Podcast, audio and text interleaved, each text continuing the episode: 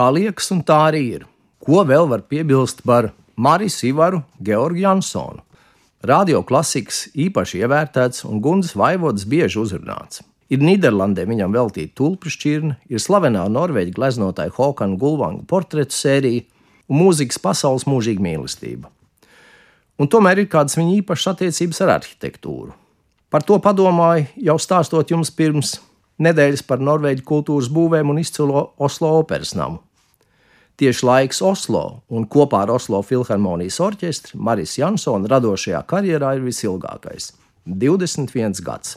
Pēc puslegālas emigrācijas no Padomju Savienības 1979. gadā un līdz pat 2000. gadam. Divos gadu desmitos maestro ar Oslo orķestri bija sasniedzis izcilu kvalitāti un īpašu sapratni. Viņš 20 gados neatlaida nevienu mūziķu un jokoja, ka visi kopā aiziešot pensijā.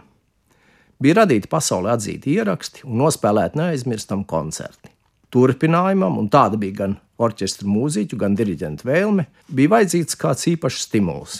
Lai arī Jansons ieradās Oslo tikai divus gadus pēc pilsētas koncerta zāles atklāšanas 1977. gadā, maestro pēdējos gadus izaugsmas iespējas saskatīt tieši jaunas koncerta zāles būvniecībā.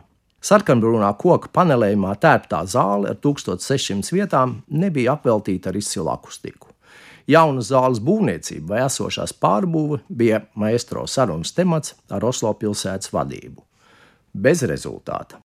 Darbs ar Pitsburgas orķestri līdz 2004. gadam Amerikas Savienotās valstīs bija izcils piedāvājums, un orķestra mājiet vēsturiskā Heinskola ar 2661 vietu un teicam akustiku.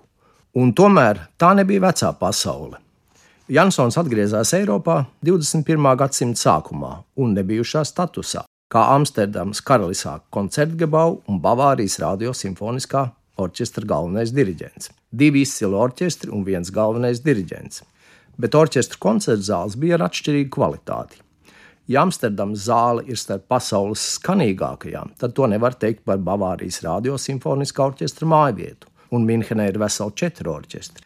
Jansons intervijā Florianam Zinekeram saka, ka labās koncerta zāles izglīto orķestri, bet tādu koncerta zāļu ir maz. Zālēm ir jābūt ar savu siltumu, ar skaņas skaistumu un vibrāciju, nemaz nerunājot par obligātiem tehniskajiem parametriem. Orķestra vizuālais kontakts ar skatītājiem arī ir īpaša kvalitāte. Minhenes Herkules zālē ir daudz problēmu. Un tad jūs jau noteikti atcerējāties Bavārijas ministru prezidenta teikto neilgi pēc Jansona ierašanās Minhenē. Šķiet, tas bija 2004. gadā. Ar latviešu maestro Marisu Jansonu man bija pēdējo gadu dārgākā saruna. Viņš paģēra, ka Minhenē jābūvē jauna koncerta zāle. Tad sekoja Marijas Jansona iniciētas izpētes un analīzes, neveiksmīgs konkurss, Ielas Universitātes studenti speciāli Bavārijas radio orķestra mājvietam veltītu darbu slavenā Franka Gērija vadībā, bet jaunas koncerta zāles nav. Atcerieties, kad Nīderlandes karaliene bija vizītē Latvijā. Centrālais notikums bija Amsterdamas koncertgabala orķestra ierašanās ar Jansonu pie diriģenta pults, bet operā.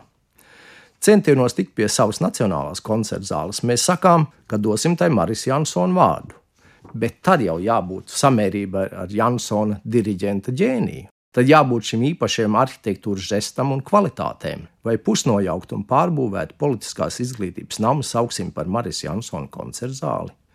Var jau cerēt uz necerētu veiksmi šajā procesā, bet droši pamata tādai cerībai nav.